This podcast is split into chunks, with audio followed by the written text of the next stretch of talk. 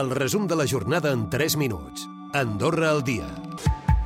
Dia 12 de la campanya electoral, el penúltim d'aquest periple que han realitzat doncs, totes les formacions polítiques durant aquestes dues setmanes. Nosaltres ens ocupem d'altres informacions. Presó provisional per dos dels quatre detinguts per tràfic de droga aquest dimarts al pas de la casa. Els altres dos arrestats en l'operació antidroga anomenada Big Bang van quedar en llibertat provisional amb càrrecs. La policia va decomissar una xifra rècord al país, més de 300 grams de cocaïna, a més d'altres estupefaents i 17.600 euros. I és que la policia acull la reunió de la Junta General de la xarxa europea de dones policia aquests dies.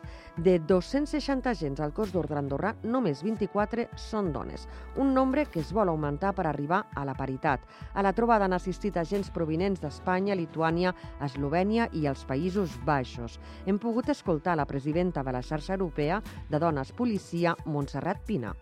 El nostre objectiu és que s'arribi a tenir la paritat que seria entre un 40 i un 60%, es diu que les organitzacions estan equilibrades, eh? que no sobresurt ni homes ni dones en un sentit o en un altre.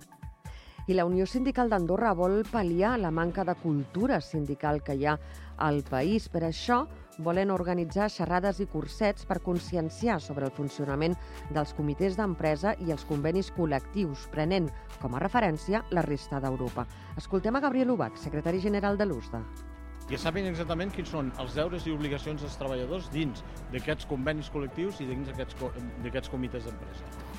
I acabarem amb l'actualitat comunal. Primer Canillo, que allarga 15 anys més la concessió Mancisa per recuperar les pèrdues de prop de 18 milions d'euros durant la pandèmia. Ho ha aprovat en el darrer Consell de Comú, on també s'ha modificat l'acord amb FEDA.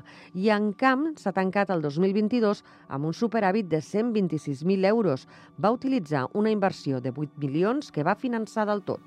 I sobre Grífols han parlat a Ordino, concretament Enric Dolça.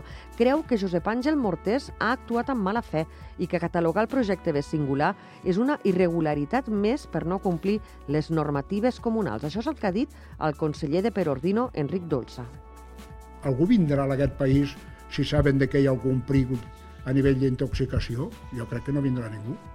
Això acabarà a Estrasburg, perquè acabarà, perquè jo li pujaré, perquè jo estic convençut que la propera sentència que hi haurà començarà igual, el senyor Enric del Safort no està tal, tal, tal, tal. Bueno, però llavors pujarà a Europa.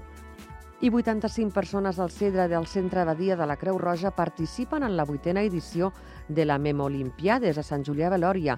S'ha reprès l'activitat que feia 3 anys que estava aturada per culpa de la pandèmia. Recupera el resum de la jornada cada dia a AndorraDifusió.d i a les plataformes de podcast.